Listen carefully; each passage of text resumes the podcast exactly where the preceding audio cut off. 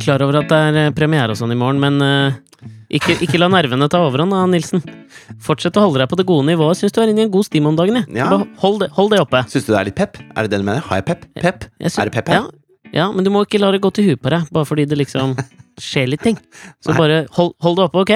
Ja, jeg lover å ikke gjøre det. Det er bra. Ja. Velkommen til Alex og Fridtjofs podkast, og god forbanna fredag. Tusen takk. Nå føler jeg at du tenkte du, du, Det var Bra start, Fridtjof. Jeg følte at du tok litt sånn programlederrollen, så jeg følte at du ønsket meg velkommen, på en måte. Og det setter jeg veldig pris på. Jo, men jeg tenker du skal få Dette skal være ditt fristed, ditt sanctuary, din oase, hvor du kan bare lire av deg litt, og slippe å liksom tenke på det der eh, hvordan du ser ut og ter deg og sier, og at alle skal synes hele tida. Ja, I hvert fall så lenge det er litt pep.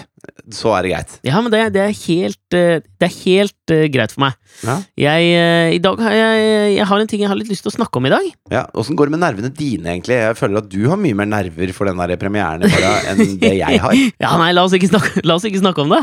Ok, greit. Jeg er i ferd med å jinxe det av en eller annen grunn. Nei, nervene er absolutt til stede. Altså, dette er jo Det som gir meg nerver, er at ting foregår live. Og det, det, det gir meg nerver. Både at det skal funke, og at det skal sitte, og alt mulig. For jeg føler at jeg har investert så mye tid, og det kjedet jeg kanskje folk med å, å snakke om eh, på onsdag, så jeg skal ikke gjenta det. Men det er jo tiden man har investert, så har man jo lyst til å se en bra payoff. Ja, men det skjønner jeg. Men live er jo litt deilig, da. Det er da det lever, på en måte. Det, jeg, jeg er jo motsatt. Jeg blir sånn ah, Det er gøy når det er live. Ja, men nå har ikke du den innsikten i programmets irrganger som jeg har. Og det er, jeg tenker jo, med et sånt stort, ambisiøst prosjekt, så er det jo samtidig enormt mange ting som kan gå galt.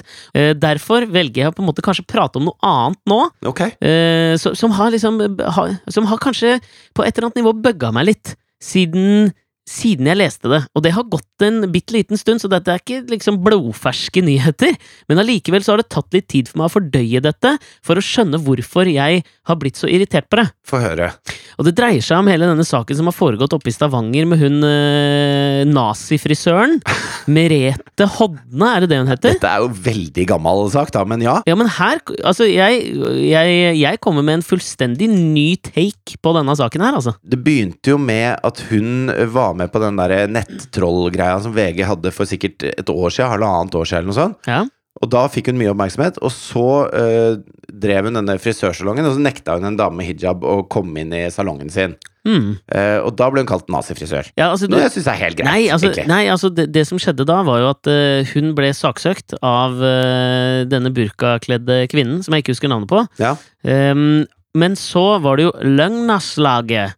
Eh, disse sta Stavanger-kameratene Per Inge Torkelsen eh, og, ja, faen, og Rune Andersen og en kiss til, som satte opp en revy i Stavanger hvor de parodierte henne og kalte henne nazifrisør. Ja. Og så sakte, saksøkte hun dem, Ja. og fikk ikke medhold i retten. Nei. Og de stilte opp i fangeluer i retten, og det syns hun også var selvfølgelig helt forkastelig. Ikke Ja. Så det er på en måte Men det, der føler jeg Der har vi lagt grunnen for Altså, hun har jo allerede bevist hvor lite hun liker hodeplagg. Så det er jo et slag i trynet når de dukker opp i fangeluer, selvfølgelig. For det er, det er veldig Per Inge Torkelsensk humor. Ja. Og for dere som ikke liksom kjenner til Per Inge Torkelsensk humor, for han er jo ikke akkurat skal vi si top of mind hva gjelder banebrytende humor i 2017. Nei, og han er heller ikke en sånn Leif Juster-type som kommer til å bli husket 100 år etter sin død, på en måte. Hæ, tror du ikke det? Jeg tror Per Inge Torkelsen kan leve litt på fordi han har hatt noen type, noen quotes som har gitt gjenklang i en eller annen slags form for eh, Ja, men er, det ikke, si? er det ikke litt sånn komikkens Kari Jakkesson, da? At han bare har liksom terga på seg noen sånne Per Inge Torkelsen? Ja, hvor det er litt sånn umotivert terging. Ja, men ja, jeg er litt ja, jeg vet ikke. Altså, det, jeg, jeg vil jo si at eh, quote-messig så er Per Inge Torkelsens claim to fame gi barn alkohol før idretten tar dem. Og han har noen sånne sayings Ja. som jeg tror gjør at han vil liksom leve litt videre. Han har en litt sånn Karsten Isaksen-vibe over seg. Og for dere som ikke tar den referansen, så er Karsten Isaksen en litt sånn humoristisk prest som Jeg vet ikke om han lever fortsatt, jeg, men han var vel også kjent for at han skrev de vitsene som var inne i den derre smellbonbongen på kransekakene. Og da da er han ikke veldig humoristisk av seg. Eller? Det er de dårligste vitsene du finner. Det er de som ikke, det de som ikke går gjennom nåløyet på Vi Menns vitsesider. Ja, eksisterer de fortsatt, forresten? Jeg veit ikke. Ja, men jeg tenker Der har vi på en eller annen måte satt eh, Per Inge Torkelsen. Men for, for å komme bare til den nye taket på denne saken her, som jeg, som jeg føler at det, det er liksom dette som har irritert meg. Og det er den, den, den senere utvikling av denne saken her, som er da at hun som bar burkaen, Hijab. som Merete Hodne Hun bar ikke burka, det var hijab. Ja, var det det? Ja. Ja, ok. Det var en hijab, ja. Men kanskje vi skal klare opp i det? Altså, altså Hijab er jo bare et, et skjerf Ja. på en måte som, man, som gjør at håret ikke syns. Burka er jo eh, en drakt, men da er ansiktet fremdeles ute. Mens Nikab. ni, nikab er sånn hvor bare øyne Det er den postboks eh, Du vet, det er bare den slissa Ja, de ser ut av. Ja, Men da var det altså en hijab hun hadde på seg. Det var hijab, ja. Ja. Eh, hun eh, jenta som bar denne hijaben, eh, har jo i det siste gått ut på Instagram og, og, og lagt ut litt sånn lettere utfordrende bilder, og da valgt å ta av seg hijaben. Nå bruker hun ikke lenger hijab. Nei. Og det der gir jo selvfølgelig vann på mølla til Merete Hodne og, eh, og hennes meningsfeller, ikke sant? Det har jeg merka. Ja, det betyr jo da for dem eh, at hun egentlig eh, bare brukte det som et slags provokativt klesmiddel for å avdekke noe som i utgangspunktet ikke var et problem i det hele tatt. Altså at det ikke hadde noe betydning for henne. Ja, men her har de jo driti seg helt Det er jo ikke det det dreier seg om. Det dreier seg ikke om henne. Det dreier seg om nazifrisøren. Altså, det dreier seg om at hun diskriminerer på basis av religiøse hodeplagg. Det dreier seg ikke om hvem som går med det religiøse hodeplagget. Det dreier seg om at hun hadde på seg det på hodet, og da slapp hun ikke inn i frisørsalongen. Og det, altså, og det er ikke lov, da. Nei, og det, det, dette her er liksom vil litt til for deg. Det er mange som er mange, Du trenger ikke å være nazifrisør for å stusse litt over at en som går til sak mot en frisør som nekter å klippe deg pga. at du har på hijab, velger å ta av hijaben og gå i en diametralt motsatt retning. Eh, veldig i, eh, i, På en måte etter veldig kort tidsrom. Altså, jeg skjønner at den umiddelbare ryggmargsrefleksen da er å liksom eh, kanskje sette litt spørsmålstegn ved denne jentas motiver. Jo, men folk, folk utvikler seg jo. Altså, Matti Nyken var hopper. Og så ble han alkoholiker og konemishandler. Men det forandrer jo ikke at han var hopper når han var hopper. Nei, men, nei det, det, og det er, det er litt hit jeg vil. For dette er en ting som vi har prata mye om i podkasten. Dette her med å klare å ha to tanker i hodet samtidig. Det er litt som når jeg leser eh, jeg, jeg leste eh, disse nekrologene som kom etter Chuck Berry sin død. Ja. Altså, han blir panegyrisk Altså, det er en panegyrisk omtale! Altså, det er bare altså, Var det, så var det så fint ord at du måtte si det flere ganger? Er det ikke panegyrisk? Det er så nydelig! eh, men det, det er jo virkelig altså sånn, eh, Jeg leste til han eh, Hva er det han Backstreet Girls-gitaristen Petter, Petter Baarli. Han skrev jo en sånn håndskrevet Som om det liksom skal bety noe mer, men sånn håndskrevet hyllest til Chuck Berry. Altså, dette var jo også før han døde, men det irriterer meg også bare det at det skal bety mer at det er håndskrevet. Uh, men hvor han hyller liksom Chuck Berry, og jeg har lest en, en massevis av andre nekrologer som hyller han, og selvfølgelig! Uh, han var en fantastisk gitarist. Han skapte eh, han skapte ringvirkninger i ro- rocken helt opp til vår tid. Men vi må jo faen ikke glemme at fyren ble fuckings dømt for prostitusjon og var et jævla rasshøl også! Og det er der jeg mener at altså, vi, vi sliter på en måte med å klare å ha to tanker i huet samtidig. At noe kan være bra og dårlig på en og samme tid.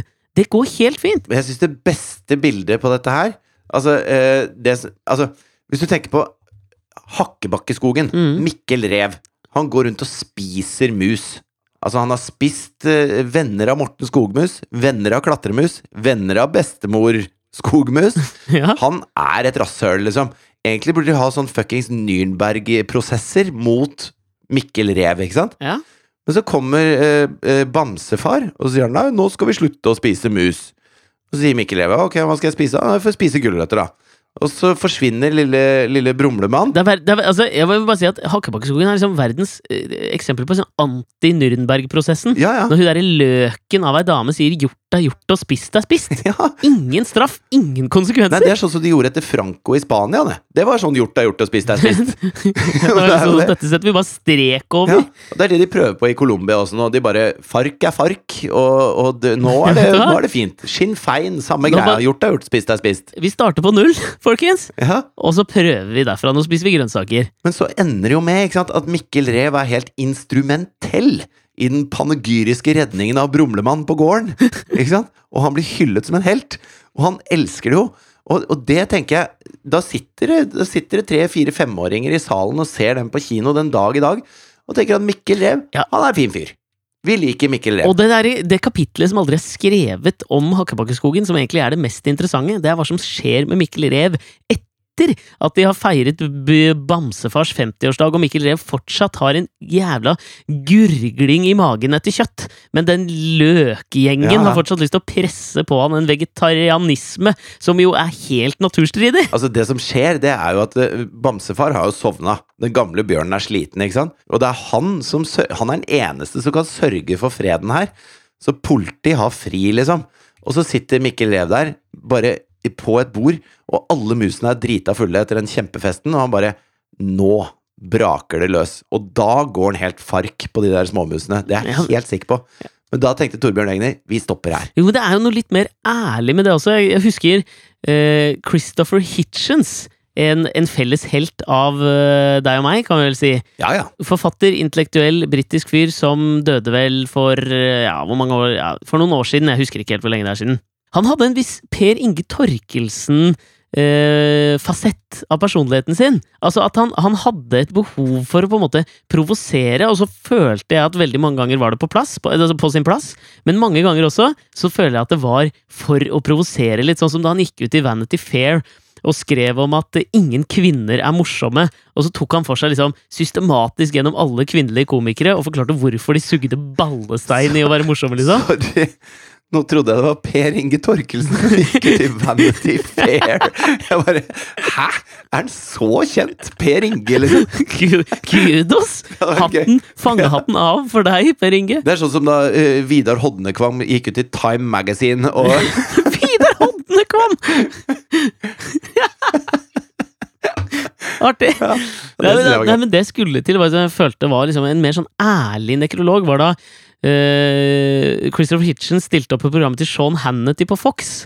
Etter at han derre Han pastoren i sørstatene, som tror han het Jerry Falwell, som altså hadde vært en han hadde vært altså en, en flammende motstander mot homofili, eh, selvbestemt abort og alle ting vi tar for gitt at man skal være pro hvis man har et visst vett og moral i skallen sin. Hvis man ikke er nazifrisør. Ja, ikke sant? Men så hadde jo han også gjort en del flotte ting, samlet inn penger til fattige og gjort veldig mye bra. Så da han Jerry Falwell døde, så var det jo eh, nok en gang en slags sånn panegyrisk hyllest og litt sånn det som er ja, gjort er gjort og spist er spist. Ja, han gjorde kanskje noe ræva greier, men han gjorde dette flott, og nå er han død, nå med hyllen. Og så stiller Christopher Hitchens opp på Hanty sitt program, og, og det er ti minutter hvor han liksom forteller bare hvor, hva for et rasshøl denne fyren var, og at han håper at han brenner i hel helvete. Og det er noe så deilig befriende litt med det, da. Altså, døden har en naturlig eh, effekt på folk, at vi glemmer det negative noen har gjort. Ja. Men da er det så deilig at noen klarer å ha de to tankene i hodet, i hodet samtidig.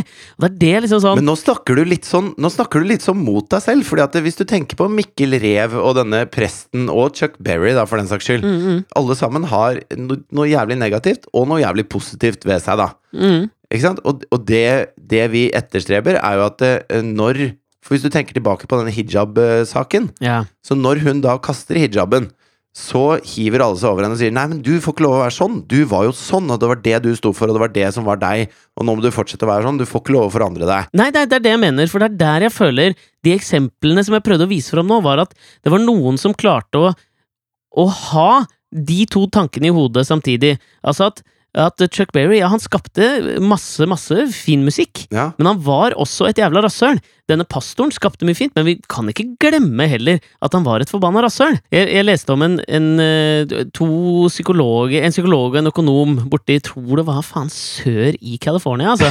um, David I og Tom Gilovich heter de. Uh, og de hadde, de hadde forska mye på dette her, hvorfor um, Hvorfor vi har en tendens til å på en måte ikke klare å ha to tanker i hodet samtidig. Og det handler liksom sånn om Altså, de brukte en sånn veldig Et, en tyd, en tydelig et bilde for meg som gjorde det jævlig tydelig. Eh, og det var det med Hvis du sykler eh, langs en vei, og så sykler du på en måte mot vinden, så er det du tenker på, det er at det er jævlig tungt å sykle mot vinden. Mm. Og det, du, du tråkker av deg, faen, det tenker du på hele tiden. Men hvis vinden snur, og du får vinden i ryggen, så tenker du med en gang åh, dette var utrolig digg å ha vinden i ryggen, men så glemmer du det fortere. Fordi da blir det bare en naturlig ting for deg. Så du glemmer liksom sånn den medvinden fortere enn du klarer å ikke tenke på motvinden. Ja. Og det, så det er jo en eller annen, på en måte en eller annen sånn naturlig iboenhet vi har i oss til å ikke klare å ha de to tankene i hodet samtidig. Og jeg merker at det bøgger meg, fordi at det, det er liksom ikke en del av diskusjonen vi har. At liksom at man kan klare å jeg For meg så ble det så veldig tydelig med hun hijab-dama Mm. at vi alle har i oss alle sider av menneskeligheten, på en måte. Du kan, du kan være en person som har lyst til å gå med hijab den ene dagen, og så har lyst til å legge ut litt lettkledde bilder av deg sjøl på Instagram den andre dagen. Det var ikke det den rettssaken dreide seg om heller. Det tror jo de folka at den dreide seg bare om henne. Det, det gjør den jo ikke i det hele tatt. Det dreier seg om uh, hvordan man behandler folk som er annerledes enn deg selv. Ja, men Det er nettopp det, og det er det jeg ikke Jeg kan ikke forstå at ikke det har vært det vi har diskutert i denne saken her. Vi har heller diskutert Per Inge Torkelsens fuckings jævla fangelue. Ja, og det, det er jeg veldig enig i. Men samtidig så mener jo jeg, uh, når det gjelder disse Jeg tror jo at dette med at eh, nekrologene til døde mennesker stort sett hyller dem, er en veldig sånn sunn ryggmargsrefleks. Fordi at hvis man skal huske på alt som er dritt, da Nå er den personen død. Den kommer ikke til å gjøre noe mer. Den er ferdig, liksom. Ferdig her på jorda. Eh, og da er det veldig, veldig viktig å, å si gjort er gjort, og spist er spist, da. Fordi at det er så mye drit rundt omkring. Altså Hvis du tenker på bosnere og serbere som hadde levd ved siden av hverandre i flere årtier uten at det er noe trøbbel, og så plutselig så raker du opp i det som skjedde for 50 år siden, og så blir det blodbad, ikke sant? Hutuer og tutsier, eller eh, ja, det, altså det, Sånn er det jo overalt. Vi klarer jo ikke å bare si Vet du hva? La det ligge. Move on. Og det er så viktig å gjøre, ellers så blir det jo aldri bedre. Helt uenig! Jeg støtter de ærlige nekrologenes tidsalder. La oss komme dit. Så når folk skriver snart, da, eller forhåpentligvis om flerfoldige år, nekrologen over TV-programmet Lost in Time, så klarer de både å huske hvor fantastisk underholdende det var, men de klarer også å huske på den jævla flaue promoopptaket hvor Fridtjof Nilsen skulle sitte i de forskjellige tidsalderne og gjøre de spillene. Og så tok han opp hånda, som han satt på en rodeo, og drev og surra rundt, så vi aldri fikk brukt noe av det, og bare måtte lekke det på sosiale medier fordi det faen ikke var brukende til noe. Hva i alle dager var det du tenkte på der? Jeg prøvde bare å holde balansen. Kan det ikke brukes? Nei, det kan ikke brukes. Du, altså, jeg har satt en stor Nixolini på de greiene der, fordi jeg har Jeg lyst til at. Altså, jeg. jeg har lyst til at min eh, kompadre, kumpan, svirebror og venn skal framstå så bra som mulig. Og der, altså, Der tenker jeg, gjort dette er gjort, og spist er spist, altså. Sånn må det være. Men ellers så blir det aldri fred på jorda. Ellers så må vi slåss med tyskerne igjen, da, bare fordi at de var så slemme i 1940. Nei, absolutt ikke. Altså, men bare, jeg tenker bare at for din egen del altså Det man gjør før TV-programmer skal på lufta, det er jo at programlederen gjerne tar opp noe som er promoer, altså reklamemateriale som man kan sende på kanalen før det skal gå. Du tok opp en hel haug med promoer hvor du var i istiden, juratiden, de glade 20-åra, middelalderen, ville vesten, romalderen, og gjorde de forskjellige utfordringene som deltakerne i programmet skal gjøre. Og Ja, deriblant er det uh, mange kjøreutfordringer. ja, Og det skulle du da gjøre. ja. Og jeg har sittet og sett på disse klippa her nå, for vi skulle se om vi skulle få dem ut sånn. Jeg syns jeg husker en god kompis av meg som hadde litt sånn regi på det. At det, Vær litt med her Nei, nå! ikke- Vær litt med her nå, Ja, men i alle dager! Og det du gjør, er at du da du styrer med den ene hånda, men den andre hånda tar du opp som om du sitter på en rodeo-okse. Men du sitter jo faen i en gruvevogn i Ville Vesten, og den hånda går fram og Ja, tilbake. hvor, men er ikke det Altså, så som å sitte på en rodeookse? Altså, det, det var jo det man gjorde gjorde. ser så dum ut! Det ser så dum ut! Det er helt. Jeg må jo leve meg inn i det. Jeg kan ikke bare gå rundt som en sånn Halvard Flatland eh, på, med tause Birgitte ved siden av meg. Jeg må være i Ville Vesten, da, for faen. Hvem hvem faen er det som flyr i et åpent propellfly mellom skyskraperne i New York i 1921 og har hånda opp mens han har den andre på styrespaken? Det gjør Fridtjof Nilsen. Sånn er det bare. Folkens, tune inn, da! I morgen klokka åtte på TV Norge så er det premiere på Lost in Time. Jeg håper faen meg at dere ser på, oss, for det er forbaska under det. Blir forbaska underholdende. Jeg gleder meg som faen, jeg. Og så kommer vi igjen på søndag. Det skal være ei lita premierefest på lørdag, så da forhåpentligvis kan vi ta oss og øh, avsløre noen øh, jævlig nakne detaljer om hva som har skjedd. Altså, jeg, hvis det blir noen nakne detaljer der, så lover jeg å avsløre dem alle. Med trykk på nakne er det jeg håper litt på. ass. Litt nakenhet hadde vært deilig å kunne prate om igjen. men Det syns jeg du kan by på denne gangen, så kan jeg sitte og vifte med venstrehånda mens jeg drar i joysticken. Ikke, ikke si at jeg skal være naken mens du drar i joysticken med høyrehånda i samme setning, vær så snill. Ok, det er greit. Ha det, da! Ha det!